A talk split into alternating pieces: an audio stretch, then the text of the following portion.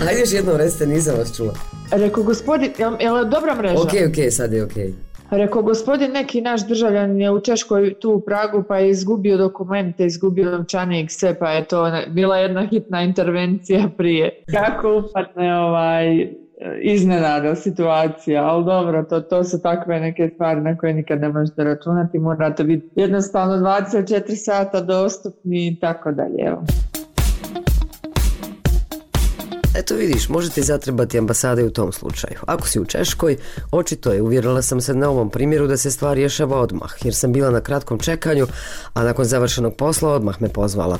To je ambasadorica Bosne i Hercegovine u Republici Češkoj i književnica Martina Mlinarević. Možda i najpoznatija BH ličnost iz aktuelne domaće diplomatije u međunarodnim krugovima kao i među građanima i građankama. Ja sam Lila Omeregić-Ćatić, u ovom podcastu ZIP zavirila sam ispod površine diplomatije Bosne i Hercegovine. Inače, kad odem u neku stranu zemlju, stvarno se ne sjetim BH ambasade, nego zabilježim broj policije ili nekog ureda za strance. A bilo bi logično da uradim ovo prvo pomenuto. Što ne uradim? Valjda zato što smo navikli da je naš državni aparat baš briga za nas. Tako su se naime pokazali u proteklih četvrt vijeka. A nekako je u tom duhu i ambasadorica Milinarević dobila savjet prije nego što je krenula u svoju misiju. Pa, vjerujte, ja kad sam krenula, meni je ovaj jedna specijalno simpatična rečenica bila i neverovatno i simpatična u ministarstvu vanjskih poslao jedan stariji čovjek mi je rekao onako kako sam jako mlada curo moja draga, da ću ti ja jedan savjet, nemoj se ti puno umoriti jer isto će ti biti radila, ti ne radila. Jednostavno ovaj, ljudi gledaju da, da ne isto prolaze ljudi koji su otišli pa ih ne, niste nikad čuli za njih više i ovi koji ga, to je jednostavno tako kod nas u sistemu kakav je. Vidjet ćete da mi nije cilj da ocrnim BH diplomatiju, nego naprotiv još jedna od normalnih želja da se Bosna i Hercegovina sastavi sama sa sobom. Jer sve ovo što vidim je predstavljanje države i njenog društva onoliko koliko ambasador ili ambasadorica koji njihov tim znaju, žele i hoće, a ne državna diplomatska vizija, misija, strategija. E sad sama sam brojala. Bosna i Hercegovina ima 45 ambasada u kojima je u svijetu predstavlja 36 ambasadora i svega 9 ambasadorica, među kojima je u Češkoj Martina Mlinarević. Ostalih osam su u Belgiji, Francuskoj, Mađarskoj, Njemačkoj, Poljskoj, Srbiji, Španiji i u Švedskoj. S ambasadoricom Mlinarević razgovaramo o njenoj misiji. Inače, vrlo je aktivna i na društvenim mrežama, smatra to izuzetno važnim za svoj posao. Kada je došla u službu, imala je samo mjesec dana uhodavanja a potom je buknula pandemija u kojoj je pomogla desetinama studenta u toj zemlji kao i radnicima u Slovačkoj koji su malte ne preko noći ostali bez posla ili bez stana. Tako da sam eto imala neko to vatreno krštenje sa ovaj pandemijom koronavirusa, e, a što se tiče kad se naravno smirila situacija, nastupila su ovo uobičajena zaduženja ambasadora, znači svaki radni dan se sastoji od komuniciranja s našim državljanima koje sam ja zaista nekako pokušala dići na jedan veći nivo i smatram da je ambasada ovdje prvenstveno radi državljana naše zemlje kao i promocije naše zemlje u, u, u zemljama prijema u inozemstvu. E, tako da e, svakodnevno doslovno jednom sedmično ili e, ovisno od nekim našim događanjima ili nekim vijestima koje imamo komuniciram sa državljanima naše zemlje. Položila sam neku sjajnu kontakt listu Jadnek. Oni vole reći da ambasadorica u ovom trenutku zna gdje se svaki čovjek na ovdje Češkoj Slovakskoj ali nekako mislim da je e, to e, suština, e, da, da oni nekako ambasadu osjećaju kao svoju kuću i da tu dolaze na jedan opušten način i na takav način i rade i surađuju s nama. Ja sam izuzetno sretna jer ovdje imamo jednu fenomenalnu zajednicu naših ljudi koji su iznimno kulturno i umjetnički orijentirani i koji sjajno ste nekako naslanjeno na ambasadu i nekako su produžena mi ruka u svim našim aktivnostima, tako da smo stvarno imali je uz koronu imali smo izuzetne ovaj događaje i aktivnosti evo trudimo se bar onako mjesečno da imamo neka dva veća događaja kroz neke manje a ono običajno tijekom dana evo danas baš mi stiže naš dobro poznati Matt Field na sastanak on je ovdje e, sada novi ambasador Velike Britanije u Češkoj, tako da imate dnevne ovaj obaveze kako u ambasadi, tako sa ovim e, konzularnim odjeljenjem, ali i e, te diplomatske sastanke na nivou dakle čeških zvaničnika, političara i diplomatskog kora. Šta je recept da jedan ambasador ili ambasadorica dobro obavlja svoju dužnost, predstavlja i promoviše svoju zemlju? Dakle, možete li ono posložiti neke segmente kao primjer? A, pa evo ja ne znam sad šta je recept, ali mogu reći nekako kako ja radim i kako sam nekako shvatila taj svoj posao, shvatila sam ga zaista srcem predano, ozbiljno dakle kao jednu najveću čast povjereno mi u životu, ne samo meni nego i cijeloj obitelji, jer ne predstavljate samo vi a, tu u Bosni i Hercegovini, tu je vaš suprug i vaše dijete i to je nekako, evo jučer je moja una dobila tu ovaj završene polugodište i sve ove petice naše etničke, češke a ide u češku školu i ona je neki predstavnik Bosne i Hercegovine u svom nekom malom svijetu kako je tako sjajno sladila češki sve i stalno pričaju o Bosni i Hercegovini, uvijek imaju neke na mjesečnom nivou neke dane o kojima ona priča o Bosni, donosi neke slike, fotografije, oni su bili gosti u mojoj ambasadi, djeca i tako da niste samo vi nego cijela ta E, ekipa i u ambasadi i porodica vaša i tako dalje. Tako da morate shvatiti taj, bar sam ga ja na takav način shvatila apsolutno uh, odgovorno sa poštovanjem prema državi iz koje dolazim bez obzira na uh, situaciju političku kakva jeste, bez obzira na uh, smanjene financijske resurse kakve imamo. Uh, zaista smatram da se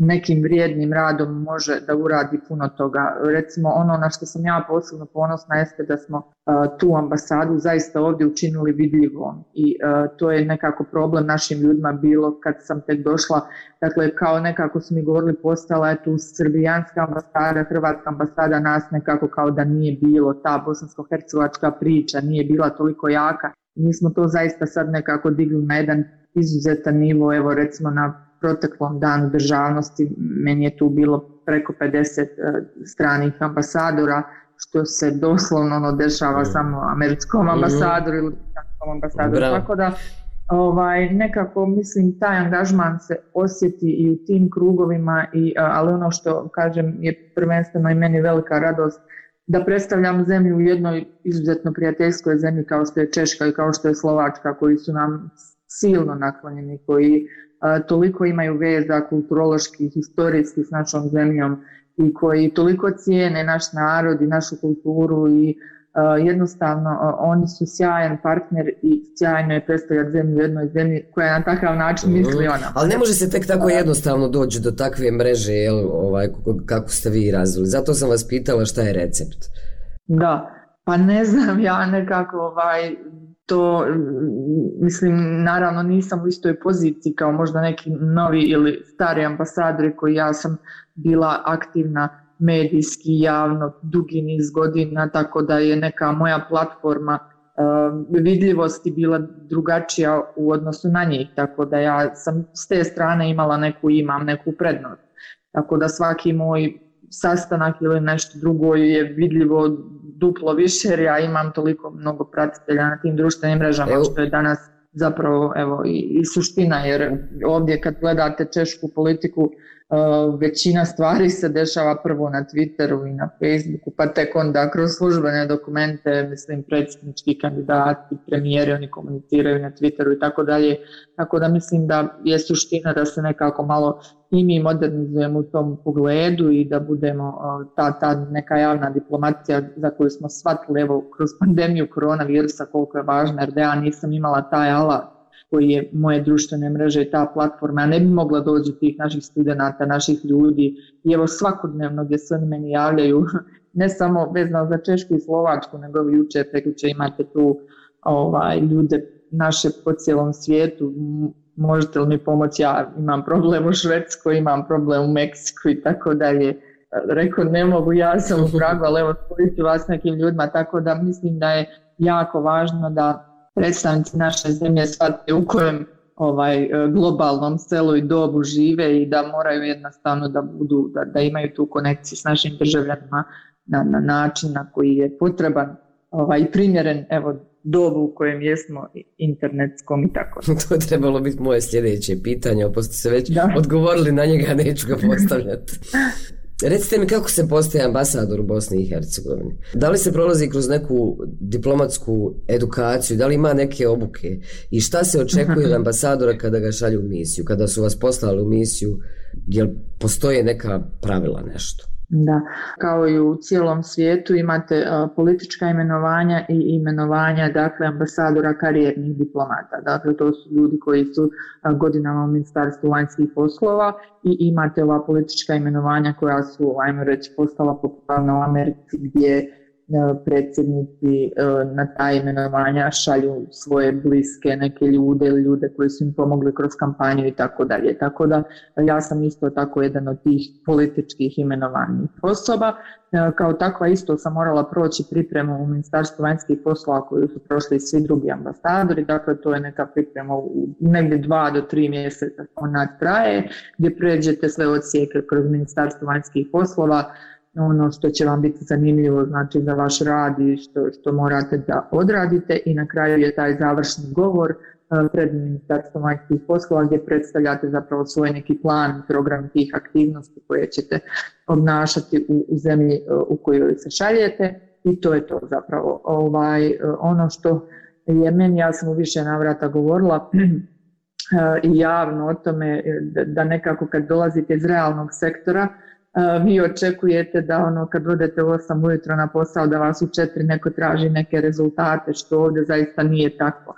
Mislim da bi puno bolje bilo da se od nas traži neka odgovornost, imate osjećaj da ste vi poslani na mandat i da doslovno onako poslani ste i to je to, nitko vas više ni kontakt, niti kontaktira, niti ništa slično, uh. tako da sam ja nekako lično uh, za sebe uvela uh, jedan izvještaj godišnji gdje ja sam na prvoj godini svog mandata, na drugoj, evo sad na ovoj trećoj, uh, na kraju godine, znači te tekuće godine poslala izvještaj na sva tri člana uh, predsjedništa na njihove kabinete da bi znali šta smo to mi kao ambasada radili kroz proteklu godinu.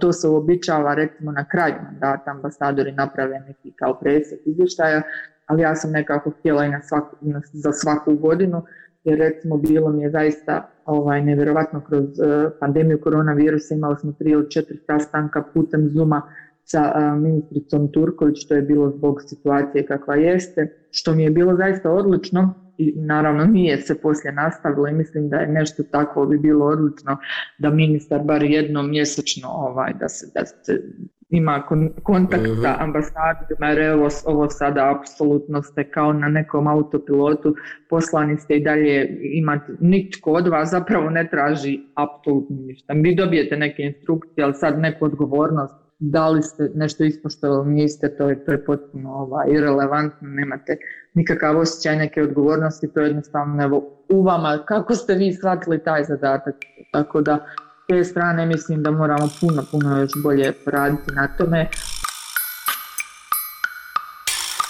Ne znam kakva je higijenska slika drugih BH ambasada u svijetu, ali znam kako rade na digitalnoj diplomatiji, kada od njih 45 samo 19 ima svoje službene web stranice. A kamo li šta drugo? Među kojima neke izgledaju kao da su se djeca igrala. Website ambasade BiH u Francuskoj izgleda vrlo zanimljivo. Kad sa stranice Ministarstva vanjskih poslova odeš na linkove ambasade, tamo zatekneš francusku AMB BA, grupu finansijskih entuzijasta koji pišu o novcu, bankama i online bankingu.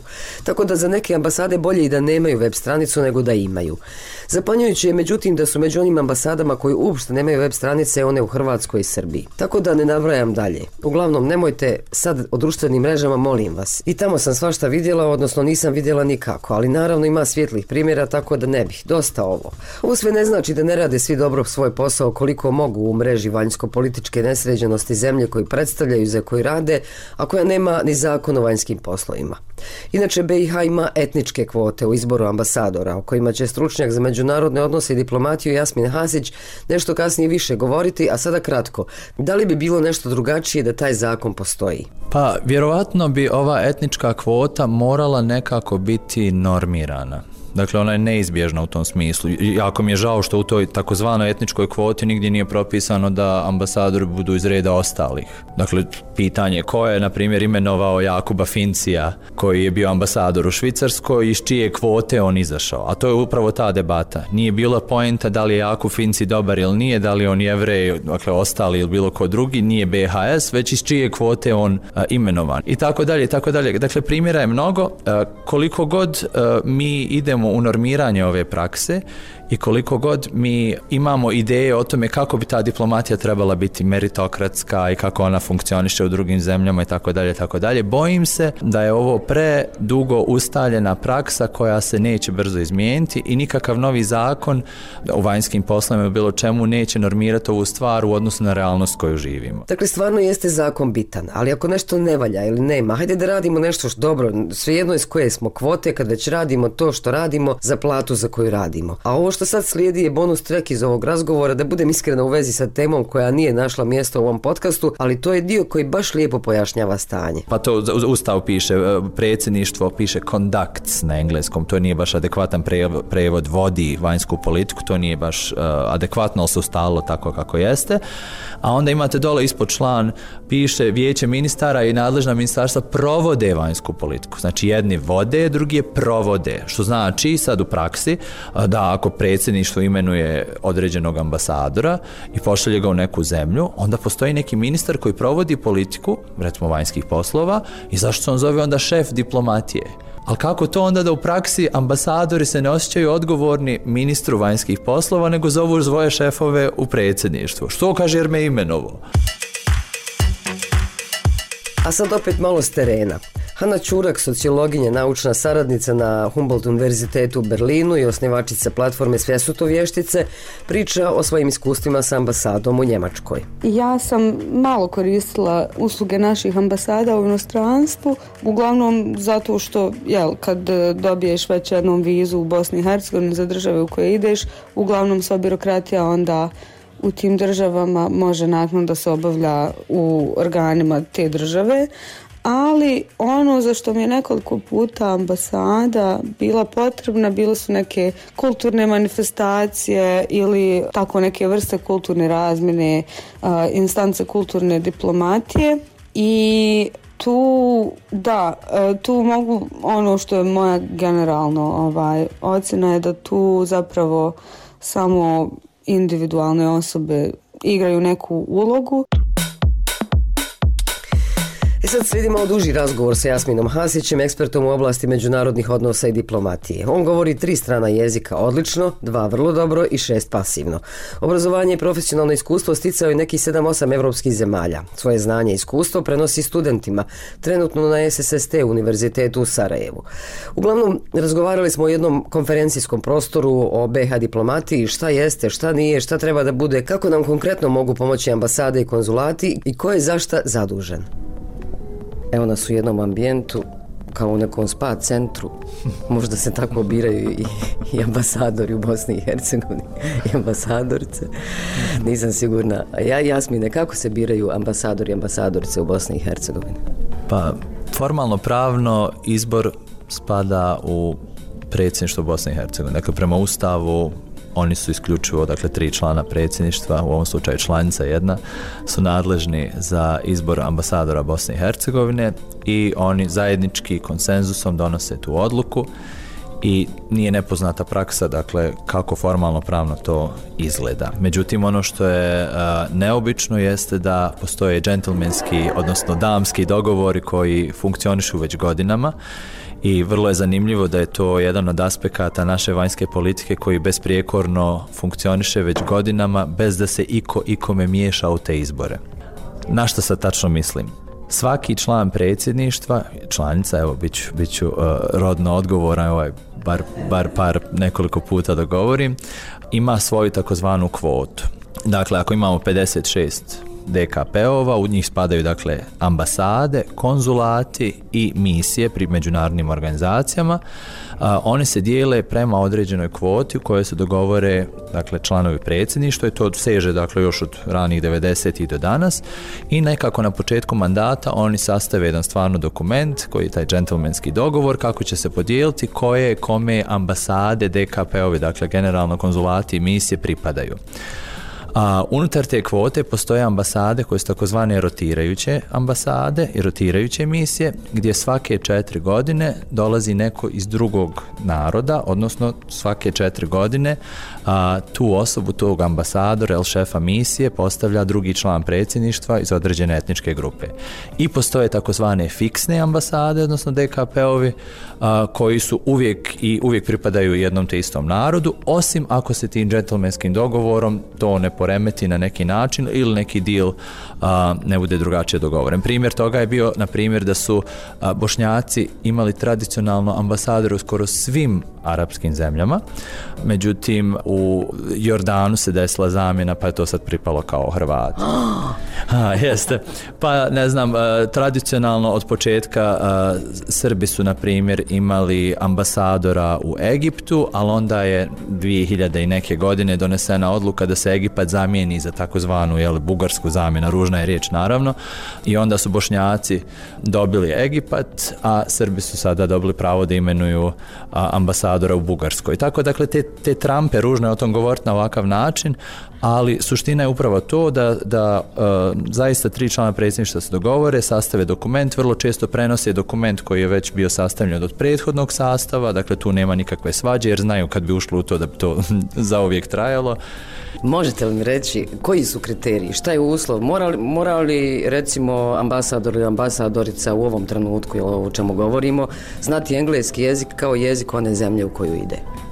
Pa bilo bi poželjno svakako, uh, u diplomatima to funkcioniše ovako, uh, kad se bavite nekretninama, odete kod agenta i uvijek govorite hoću brzo, hoću jeftino, hoću kvalitetno. I on kaže biraj dvoje.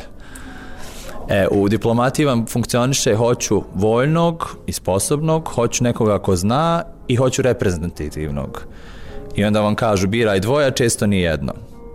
I tu je upravo suština onoga što mi živimo u Bosni i Hercegovini. Naravno da bismo mi, da smo neka zrelija demokratija, da smo država koja ima malo uh, jače uh, instrumente vladavine prava i tako dalje i tako dalje, svoje političare izabrane, dakle u predsjedništvu, natjerali da sve ambasadore koje šalju da predstavljaju ovu zemlju uh, malo podvrgnu nekim kriterijima i da bi naravno bilo normalno i prirodno da su to ljudi koji su i sposobni i voljni i znalci i reprezentativni i da govore jezike, dakle sve spada u ove neke tri kategorije, međutim praksa je pokazala da to nije uvijek tako i da su to, jeli, ko što se ponavlja u medijima, sto puta više prožvakana priča, a, politički otpadnici koji odlaze jer ih nije imao ko gdje smjestiti i tako dalje, tako dalje, nije to uvijek istina, nije to slučaj za svakoga. A, ono što je interesantno što se kod nas vremenom javla a, je jedna a, lažna dihtomija da ambasadori Bosne i Hercegovine su uvijek ili politički imenovani ili karijerne diplomate i to je kao neka kao dihtomija, ona je po meni lažna. A, niti su svi karijerni diplomate apolitični, dakle uvijek su pripadali nekoj strani i nekoj priči, nekoj političkoj strani, su imali nekakvu afilijaciju, iako nisu formalno bili članovi, a niti su svi politički imenovani ambasadori, primjera je mnogo, evo da ne spominjem, da se niko ne uvredi što ga nisam spomenuo, ili da se neko jel, pretjerano ne obraduje zbog toga, nisu svi politički imenovani ambasadori isto loši ili nestručni ali dihtomija se sastoji u tome što smo mi to podijelili na ove ili one, kvalitetne ili nekvalitetne, a između, u svakoj grupi postoje i jedni i drugi. Ali ono što smo zaboravili jeste treća grupa. Mi vrlo rijetko, odnosno članovi predsjedništva Bosne i Hercegovine, vrlo rijetko imenuju stručne ljude. Znate, vi kad imate neku zemlju koju želite da ostvarite velike investicije, da ostvarite neku ogromnu kulturnu saradnju, pa pošaljite Abdullaha Sidrana ili pošaljite nekoga, sad izmišljam imena Dani Satanovića, ako hoćete da razvijete filmsku industriju tu, pošaljite nekoga, potpuno je nebitno, sad sam imena bez veze, jel naveo samo da, da ilustriram poentu, da mi ne tražimo samo stručnjake nekoga koji je bio direktor Energoinvesta ili neke banke, pa sad on će ići tamo razvijati neke velike odnose i mi ćemo imati sad investicije. Pošaljite nekog profesora s fakulteta koji nije nikad bio nikakvoj stranci, nije nigdje radio, ali ima jednu specifičnu struku koja je za zemlju u kojoj se šalje specifična. Ima tamo veze, prezentovao je e, neke radove, objavljivo, svi ga znaju iz te akademije. Prosto je jako bitno da ta osoba bude tamo. E mi smo zaboravili na tu struku, ne govorim samo o struci u smislu akademije, govorim o struci u smislu umjetnosti, u smislu mehanike, u smislu nekog poduzetništva i tako dalje. Dakle, ta ta, taj kriterij ko, šta oni moraju znati, šta ne moraju znati je sada manje bitan kad, smo, kad mi živimo u ovoj lažnoj dihtomiji, zaboravili smo ovu treću kategoriju, a naravno nismo osigurali nikakve instrumente, ponovo se vraćamo na zakon, da ti ambasadori moraju imati neka javna saslušanja, pa neka javne platforme. Dešavaju se takozvani završni razgovori u ministarstvu prije nego što oni odu na destinaciju. Ja, ovo smo sad kod pitanja i vizije, i strategije, i edukacije. Jel to edukacije, ali imaju oni pripreme. Postoji u ministarstvu ured za diplomatsku obuku, ti ambasadori formalno, pravno prolaze neke obuke od 3 do 6 mjeseci, odlaze na neke intervjue, sakupljaju informacije, pričaju sa diplomatama, pričaju s kolegama, pričaju sa drugim ljudima na terenu i tako dalje. Međutim, to u praksi, nažalost, se svodi na skupljanje potpisa, ono ko u indeksima, pa oni odlaze po kancelarijama, nažalost, to je tako. I onda imaju takozvani završni razgovor koji se nigdje ne objavljuje, koji niko ne posjećuje, samo možda par uposlenika ministarstva. To su vrlo šture PowerPoint prezentacije o geografiji zemlje u kojoj odlaze, ništa specifično, možda par ono nekih preporuka koje će oni pokušati uraditi u naredne četiri godine i zaista ništa, ništa konkretno. A trebalo bi? A trebalo bi biti javno saslušanje, pa ne sad ne kažem na BHT-u da bude u naveče pa da ih neko ispituje pa da bude puna sala i tako dalje, pa da imaju neki ispit i tako dalje, to naravno ne, jer je to eto pravo članova predsjedništva da imenuju i njima to eto ne može niko osporiti, pa zato podvrgavanje potencijalnih ambasadora bilo kakvom ispitu ili javnom mjenju bi bilo u stvari ograničavanje moći članova predsjedništva da ih imenuju. I to je ta paradigma kojom mi živimo. Dobro, u cijeloj ovoj priči ipak jel, postoje stvari kada se već ambasadori i ambasadorice imenuju, oni ne mogu pomoći da se riješe, riješe sve ove probleme o čemu govorite, međutim, oni mogu da rade ovaj, neke druge stvari koje su od važnosti za građane. Ja ću vas pitati ovaj, da navedete neka svoja iskustva, jel, kao insajder u diplomati već ste nam ovaj, neke stvari otkrili, ali i neka iskustva dok ste se školovali, usavršavali, ja sam vidjela da je to nekih 5-6 zemalja, ovaj, pretpostavljam da je iskustava bilo dosta. Bilo je dosta. Ono što je jako bitno naglasiti, a to je uh, greška možda koju uh, svi naši građani prave, jeste bitno je znati da ambasadori Bosne i Hercegovine nisu ambasadori građana Bosne i Hercegovine, nego države Bosne i Hercegovine. I oni predstavljaju državu, dakle glavu države, to je naše predsjedništvo. Oni imaju konzularne nadležnosti i kao ambasadori facilitiraju te, najlakše rečeno, opštinske usluge usluge koje su izvan teritorija naše zemlje. I pred krajem ovog podcasta o svemu onome o čemu smo pričali, zaključak donose stručnjak za međunarodne odnose i diplomatiju Jasmin Hasić i ambasadorica Bosne i Hercegovine u Češkoj Martina Mlinarević. Možete li u jednoj rečenici? Bosansko-hercegovačka diplomatija je... Još uvijek nesređena, i to bi možda bio uh, dobar, uh, dobar kraj za ovaj intervju, ali dodao bih, pošto je sad produžavam novu rečenicu, otvaram, ali ima zaista jedinstvenu priliku da bude uh, dobar pokazatelj u akademskom prije svega smislu, a onda i u empirijskom smislu kako jedna zemlja ne mora da bude reflektor svoje unutrašnje politike ako se odluči da radi vanjsku politiku kvalitetno. Mi to još nismo, ali ako Bog da, bit će prilike za to.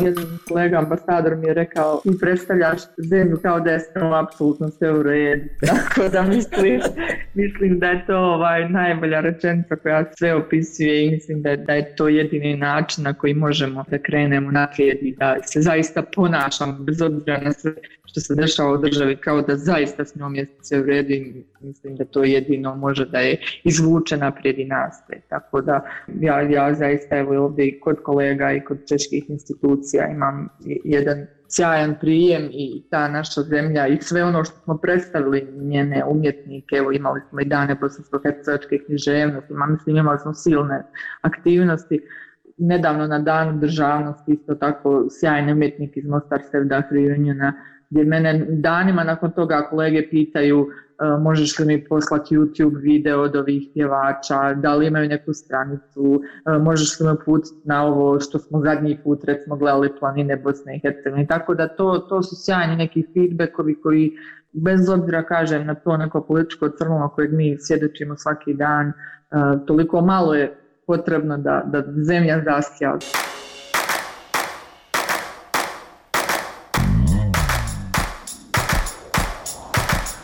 Mislila sam završiti citatom Ive Andrića iz Eksponta. Čudno je kako je malo potrebno da budemo srećni i još čudnije kako često nam baš to malo nedostaje.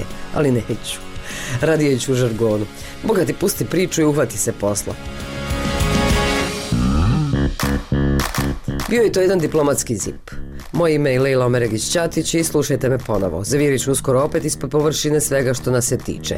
Ovaj kao i sve naše podcaste slušajte na slobodnaevropa.org, našim društvenim mrežama, Spotify, Google i Apple podcastima.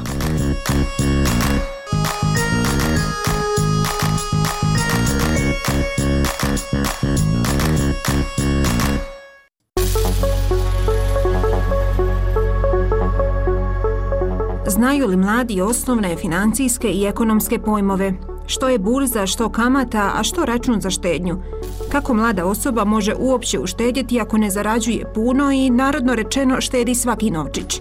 Vjerujem da kada čujete ovaj uvod da ćete se možda uhvatiti za glavu, ali u ovom podcastu Glasom mladih smo tu da razjasnimo kako i kada početi štedjeti kako bi budućnost izgledala ljepša.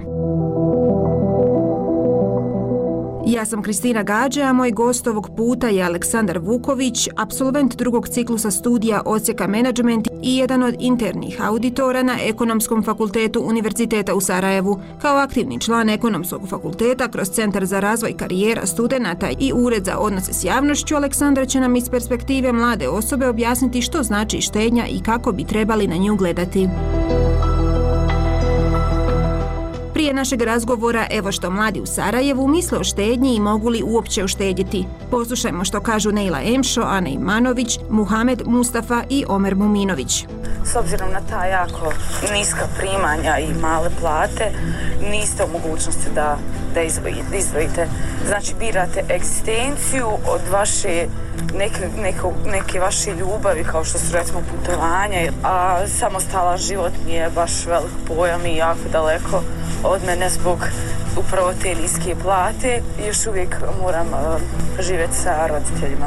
I naravno tu je neizdostavna pomoć koju ja često spomenem rodina ovaj, koja živi u inostranstvu često ovaj, pomogne Pa u suštini nije problem nužno do mladih njihove ušteđevne, više je problem do njihovih nekih ličnih korištenja novca u smislu da bacaju na neke nebitne stvari, malo da barataju novcem najbolje, a druga stvar nije nužno da nema prilika za mladi ili da su niske plate, nego više da su u našim društvu nekako gledaju na te poslove kao trebaju da budu dugoročni, a u isto vrijeme da budu pun nekog novca, pun nekih prilika. Evo ako gledamo Sarajevo i standard života u Sarajevu, zavisno se toga odakle dolaze mladi, iz koje sredine za one koji ne dolaze iz Sarajeva, onda za njih jednostavno su i promorali na taj način nekakve štednje, jer jednostavno dosta stvari oskaču do gdje dolaze od pozicije od same kakve koja je duplo skuplja nego iz kraja iz kojeg dolaze do o, neki obični stvari, ali uh, zavisi to je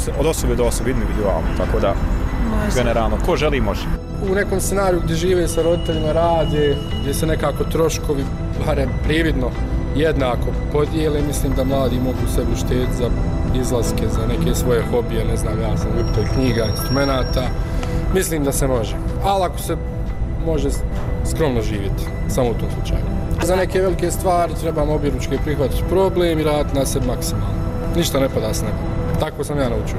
Koliko god je teška situacija, mladi se moraju pokušati na neki način boriti. Naravno, svjedoci smo sve većem broju ljudi koji odlučuju napustiti Bosnu i Hercegovinu. Prije su to bili samo neki mladi od nekih 20, 25 godina, 30, sada idu čitave porodice. Ja mislim da to treba ostati neka zadnja solucija koju čovjek treba da poduzme.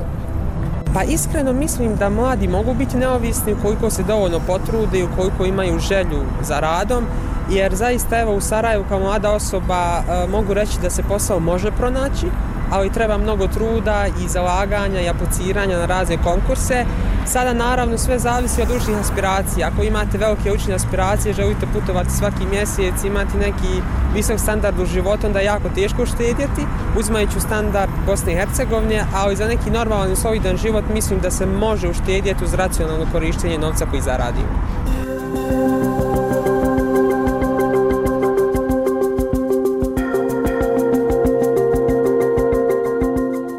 Aleksandre, hvala što si se uključio da budeš dijelom našeg podcasta Glasom mladih i što pričamo na ovu temu financijske pismenosti koja je jako bitan pojam u Bosni i Hercegovini, a saznaćemo i zašto. Hvala tebi, draga Kristina, na pozivu. Zaista mi je zadovoljstvo što sam danas ovdje i što možemo razgovarati o veoma značajnoj temi, kako za mlade, a ja bih rekao i ali za starije stanovništvo Bosne i Hercegovine. Aleksandre, absolvenci drugog ciklusa studija Ekonomskog fakulteta Univerziteta u Sarajevo, Sarajevu ocijek management. Da. Što je za tebe kao studentu štednja? Kako bi definirao taj pojam? Mislim da je štednja sve ono što odvajamo sa strane, jeli, e, mogu tako slobodno reći, kako bi sebi priuštili nešto što dugo vremena želimo.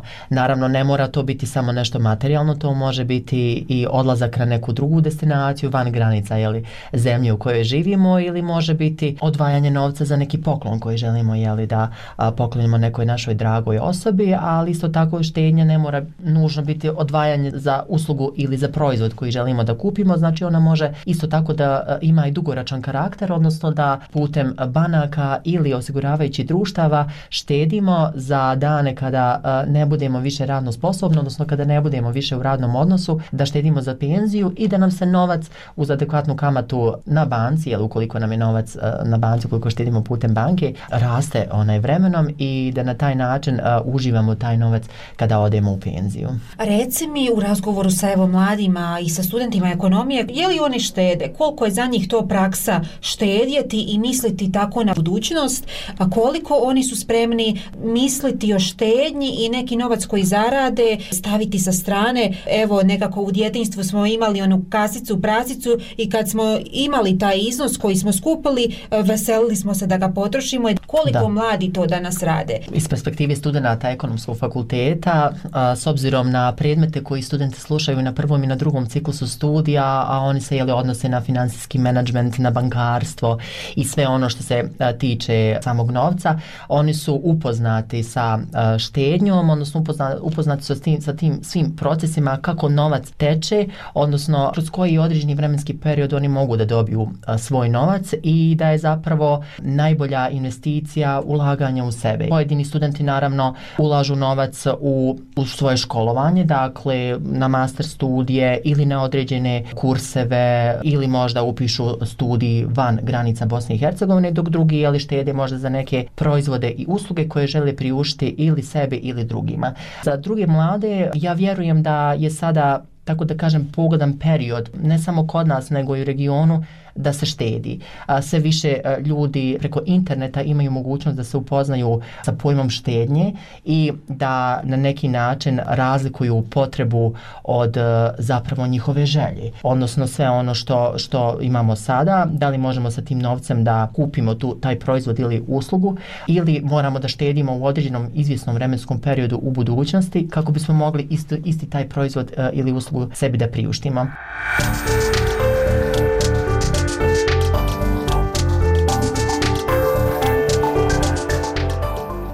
Istraživanje Internacionalnog univerziteta u Sarajevu da pokazuje da postoji umjereni nivo financijske pismenosti u Bosni i Hercegovini. Što studenti ekonomije proučavaju na fakultetima, je li im potreban taj vizualni aspekt i primjer iz prakse da bi oni razumjeli te financije? Pa, e, znate kako, mnogi studenti pa i samo stanovništvo je e, kroz internet i televiziju upoznato sa određenim e, financijskim pojmovima, ali mnogima to zvuči strano zato što se u, ne susreću baš e, često sa tim e, terminima, pogotovo e, učenici i studenti koji, koji nisu pri ekonomskoj struci, tako da kažem, predmeta u srednjoj školi ili nisu na ekonomskim fakulteti, na fakultetima pri univerzitetima. Stoga je veoma važno da edukacija o finansijskoj pismenosti krene od najranije dobe, dakle da se putem edukacije u osnovnim i srednjim naravno školama priča o finansijskim osnovnim pojmovima kako bi se mladi na što bolji način upoznali na vrijeme sa tim. Obično se o finanskoj pismenosti priča kada dođe do određenog problema, dakle kada uh, nemamo dovoljno novca da izmirimo dospile obaveze, odnosno kada nemamo novca da platimo račun za mobitel, kada nemamo uh, na računu novca da platimo mjesečnu ratu za Netflix ili da kupimo sebi omiljene patike, nego je li se o tome razmišlja kada dođe određeni problem i onda tada dođemo do određenog zaključka, mogli bismo da uštedimo kako bismo mogli, ali neću otići danas na kafu, neću otići uh, negdje na neko drugo mjesto gdje ću potrošiti taj novac, nego ga mogu uložiti, odnosno mogu ga staviti na štednju i na taj način uštedjeti. Kao pozitivan primjer, ja bih svakako naveo uh, službenike Centralne banke Bosne i Hercegovine koje na 31. oktobar uh, svake godine uh, obilježavaju na kvalitetan i adekvatan način Međunarodni dan štednje, tako što u prostorije banke uvijek dovedu ili učenike srednje ili osnovne škole, a njihovi službenici odlaze po školama kako u Republici Srpskoj, tako u Federaciji Bosne i Hercegovine i posjećuju malečane uh, e, i pričajući im jeli, na taj način o štednji, o novcu i svemu onome što bi ono najranije dobi svakako trebalo da znaju o osnovnim finansijskim pojmovima. I što se tiče studenta, njima je svakako vizuelni aspekt veoma važan. Kroz predmetne vježbe, pored predmetnih predavanja, studenti svakako imaju e, priliku da se susretnu sa case studijima i sa praktičnim primjerima kako iz Bosne i Hercegovine, tako i iz regiona, na način gdje se mogu upoznati sa svema onima što su učili na predmetnim predavanjima, pa isto tako i o osnovnim pojmama iz financija, iz bankarstva, iz ekonomije uopšte. Drugih jeli, finansijskih institucija koji iz svog ličnog iskustva pričaju na koji način mladi mogu da se na adekvatan i što bolji način u, od ranih dana upoznaju sa finansijskim terminima i da se finansijski što bolje opismene. I naravno tu su određeni testovi, tu su određeni kvizovi koji profesori se zavisi ili od predmeta i od samog vremena na koji oni mogu da posvete studentima, ali oni se zaista kroz tu ekonomske, tako da kažem, struku predmeta poput finansijskog menadžmenta, bankarstva i sam zapravo ocijek, imamo ocijek ekonomiju i menadžment i visoku poslovnu školu, odnosno poslovno upravljanje koji se bave zapravo s tim, pa onda kasnije smjerove na menadžmentu, finansijski menadžment, jeli, ili samo bankarstvo, ekonomija uh, i financije koje se bave upravo tim terminima i stvarno studenti po završetku prvog ciklusa studija, odnosno ti smjerova i te kako znaju da, da prepoznaju te finansijske termine odnosno, i da se finansijski opismene kako bi mogli evo danas sutra podići kredit uh, u banci. Je li se trebaju ti smjerovi finansijske pismenosti raširiti na ostale smjerove? Pa što se tiče ekonomskog fakulteta, o finansijskoj pismenosti se ne priča samo na o, smjeru finansijski management, odnosno na ocijeku a, management, već se priča podjednako i na drugim ocijecima, odnosno smjerovima.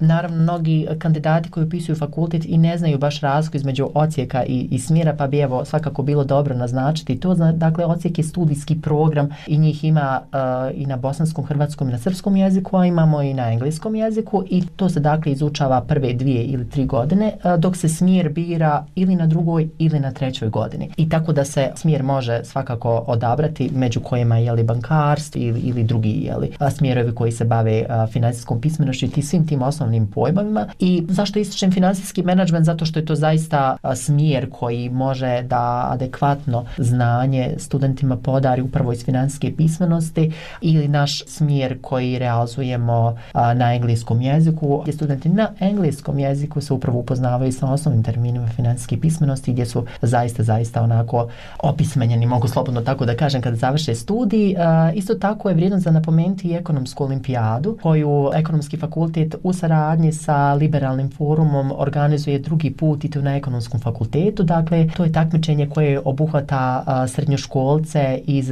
skoro cijele Bosne i Hercegovine. Finale tog takmičenja bilo je održano e, u junu, dakle imamo nacionalno takmičenje i imamo regionalno takmičenje, nacionalno takmičenje obično bude van granica Bosne i Hercegovine, to je prošle godine bilo svakako na našem fakultetu i tu se srednjoškolci upoznavaju sa svim osnovnim terminima kako iz finansijske, iz, tako iz financija, iz ekonomije, iz mikroekonomije, makroekonomije, međunarodne ekonomije i ne izučavaju samo te pobove, već i neku istorijsku pozadinu ekonomije kao nauke i na taj način ne upoznavaju samo sebe, već i drugare oko sebe koji neće jeli, nastaviti možda studij na ekonomiji, već će možda otići na neke druge nauke. Dakle, na svakom ocijeku, jeli prvo, a onda kasnije na svakom smjeru se podjednako razgovara o financijskoj pismenosti.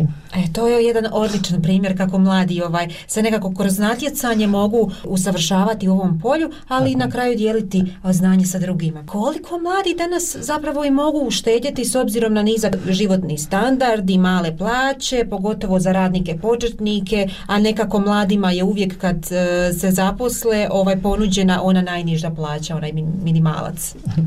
Da, upravo tako. Pa evo, mi smo u Bosni i Hercegovini i zaista nalazimo se na tom na nekom neslavnom drugom mjestu u Evropi po korupciji, a u prvom, e, na prvom mjestu u regionu. Isto tako je nižak, nizak životni standard pa i sama inflacija koja ga prati, tako da je mladima veoma teško da odmah kada se zaposle mogu sebi da uh, uštede, odnosno da odvoje novac sa strane, već obično se uh, posežu za tuđim izvorima finansiranja, odnosno podižu kredite u bankama ili mikrokreditnim fondacijama. Možda, možda prije bolje u, ban, tim bolje u banci, uh, zato što su mikrokreditnim fondacijama uh, zaista visoke kamatne stope na novac koji posudite, ali jeli, svako ima, uh, tako da kaže, moć izbora i svako bira ono što mu je u datom trenutku najpotrebnije ili ono odnosno šta je najvažnije. Obično mladi kada se tek zaposle imaju ti neke početničke a, plate, opet to zavisi od sektora. Mi imamo i državni, realni i javni sektor. U tom nekom a, državnom sektoru otprilike se zna da 80% od plate osobe koja ima vaše zvanje u toj instituciji, vi ćete toliko pra, platu primati, odnosno 80%. Dok u ovim ostalim sektorima je nešto malo drugačije, a, zavisi u preduzeću u kojem jeli, onaj, se zaposlite za početak, vi imate zaista odlične a, početne plate plate na određenim, u određenim preduzećima. To sve zavisi i od osobe. Dakle, neko je, nav, neko je navikao od um, svojih ranih godina a, da štede, a, a neko opet je a, navikao a, da mu roditelji priušte sve ono što je skupo i sve ono što je najbolje. Sada to opet jeli, zavisi kolika će ta plata biti i u kojem se sektoru mladi zaposle. Obično mladi žive život onako kako su naviknuti u, u životu sa roditeljima i a neko se opet na neki način mogu slobodno reći i o pameti uh, kada vidi da ne može se sebi priušti ono što je uh, zapravo najbolje ono što je najskuplje jer će morati odvojiti novac za mjesečne režije za možda stanarinu ko sebi ko, ko na primjer dolazi iz predgrađa i ko, i ko dolazi iz okolnih sela na primjer u Sarajevo. Oni su uh, svakako spremni da e, uh, za početak uh, iznajme sebi stan, uh, da u tom stanu žive kako bi mogli, jeli, ukoliko se naravno zaposle u Sarajevo ili blizu Sarajeva, da putuju do svog posla. Oni svaki mjesec moraju odvojiti novac uh, za struju, za vodu, za komunalije i za sve ostale jeli, uh, mjesečne potrebšte. Moraju jeli, sebe priuštiti i uh, hranu, platiti uh, vodu uh, i sve ostalo. Naravno i prevoz isto tako se onaj plaća, pa sad to je individualno zaista da li će se kretati sredstvima javnog saobraćaja saobraćaja ili će koristiti taksi.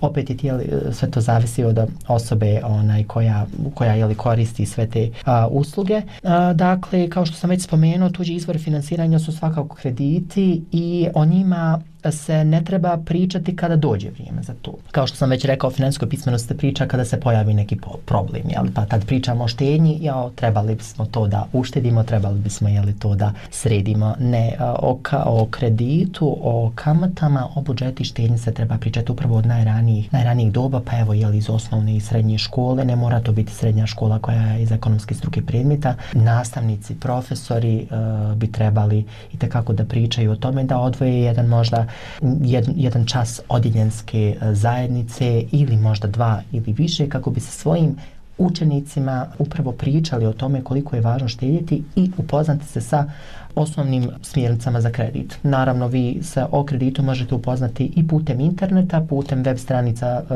Bosansko-Hercegovačkih banaka, jer one zaista imaju dobre web stranice i možete se jeli, upoznati sa njima, naravno i sa kreditnim službenicima i sa ljudima koji rade u banci.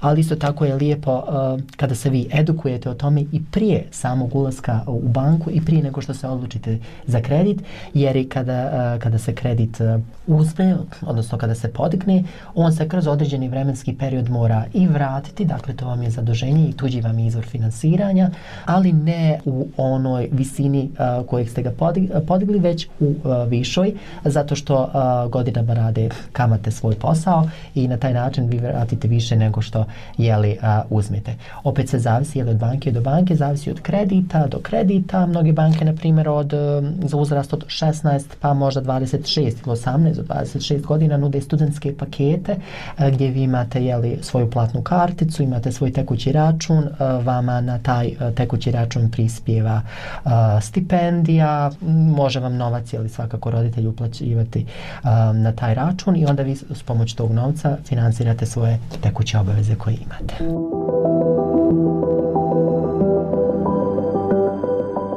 U bosansko-hercegovačkom društvu koje ima nizak životni standard i male plaće, mladi često pronalaze alternative uštede. U modernom vremenu često je popularan taj minimalistički život kojim se želi uštedjeti svaki dan. Je li to može biti jedno od rješenja za financijsku stabilnost mladih? Smatram da ne, ne baš minimalistički u smislu da se moramo odreći uh, nekih osnovnih svojih uh, sredstava, tako da kažem da, da ne odemo bar uh, jedan put u bioskop, da ne odemo jedan put u pozorište da odgledamo predstavu ili jeli da ne platimo sebi račun za Netflix. Dobro, Netflix može da može da pričeka, ali uh, mislim da, da, da minimalistički život nikome nije uh, izbor, nego da su upravo od e, tih ranih e, doba treba e, misliti o štednji i u onom periodu kada imamo najviše novca e, trebali bi da razmišljamo e, za budućnost, odnosno da odvojimo na stranu taj novac, e,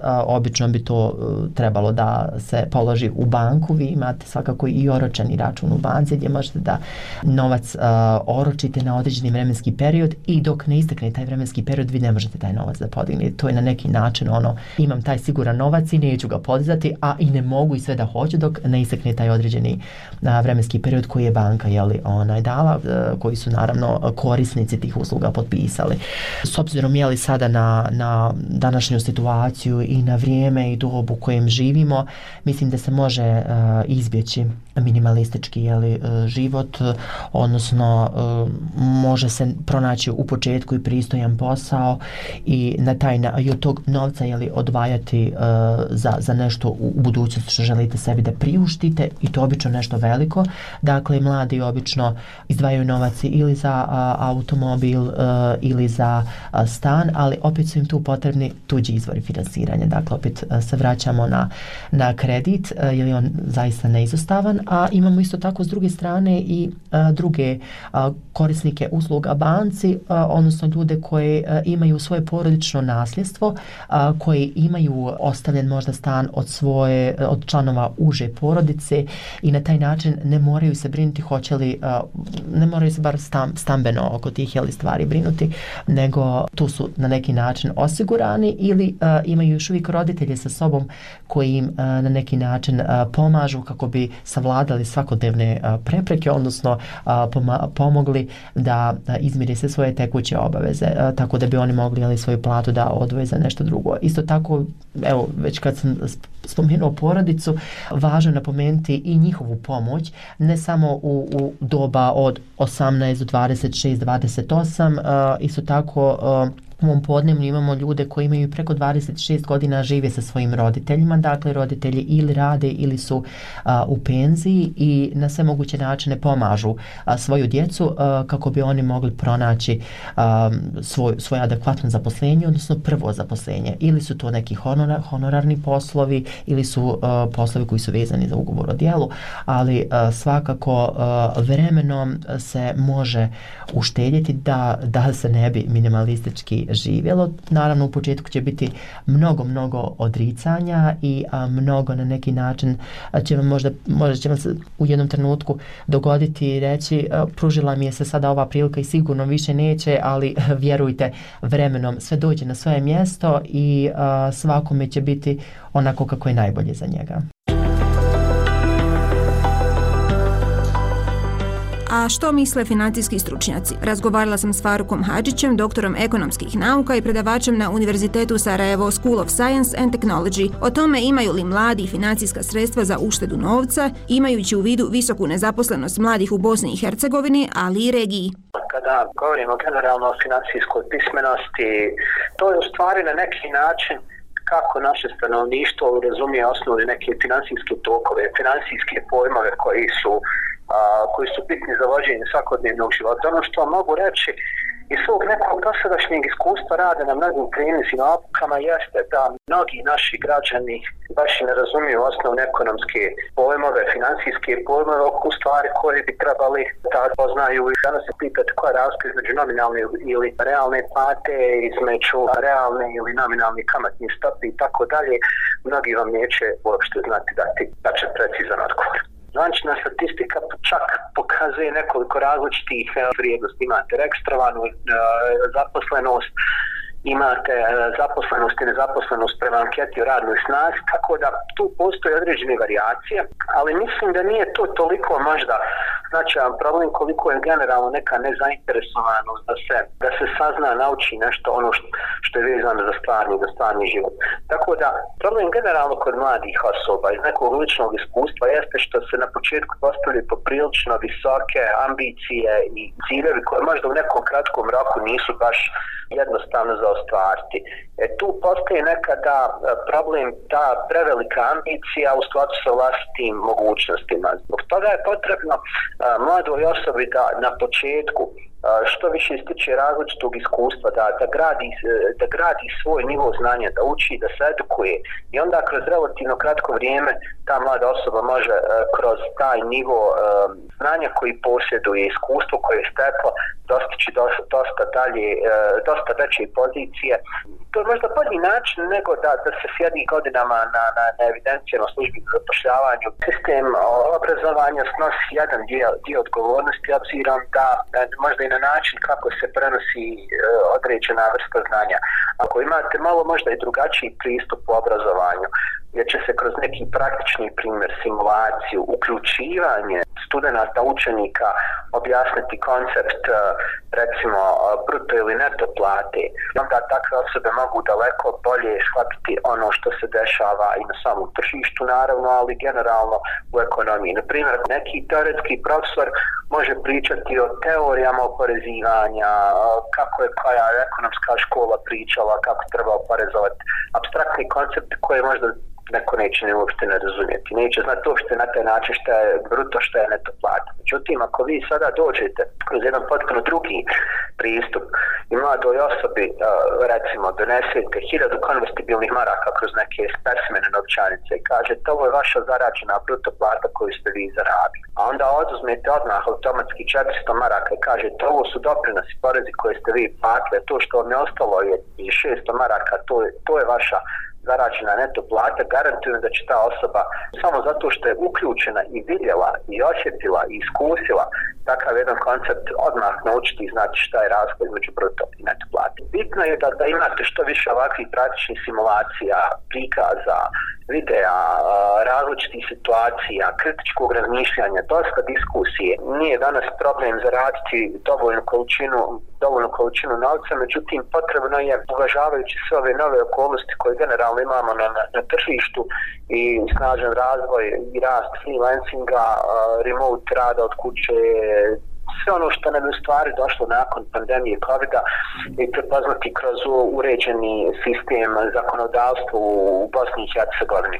U tom kontekstu potrebno je sigurno razmišljati o napređenju zakona o radu gdje bi se te pojedine nove kategorije uvele u zakon o radu, prepoznale jer nije problem platiti porez ali je, uh, ili, ili neki doprinos ili neku drugu taksu, ali je vrlo bitno da, da imate uh, i određeni benefit korist od toga što vi plaćate, to je ono što danas mi u stvari nemamo u Bosni i Hercegovini kod tih takvih mlađih osoba. Što se tiče generalno regija, i, i Bosna i Hercegovina, tu postoje vrlo skromni napredak, pogotovo ekonomski napredak, pogotovo na putu ka Evropskoj uniji, tako da mi nekako previše naglašavamo ovu političku uvijek dimenziju napretka prema Evropskoj uniji, zanemarujemo ovu ekonomsku dimenziju. U prvim pasima ekonomske sekcije, ekonomskog kriterija navedeno da je Bosna i Hercegovina tek na začetku onoga što se zove tržišna ekonomija. Jako puno možete naći besplatnih kurseva, jako puno video materijala gdje možete do, mnogo toga naučiti.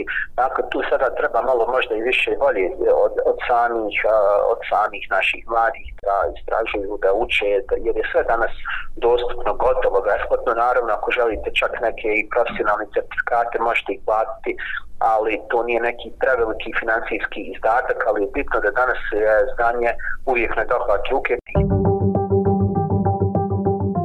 Kako sada razumijemo novac i hoćemo li dva put razmisliti prije nego ono što je namijenjeno za ušteđevinu, odmah potrošimo. Moć novca je velika, ali i naša moć odlučivanja gdje treba ići ono što zaradimo. Odabrati lagodnu sadašnjost ili ljepšu budućnost, pitanje je sad.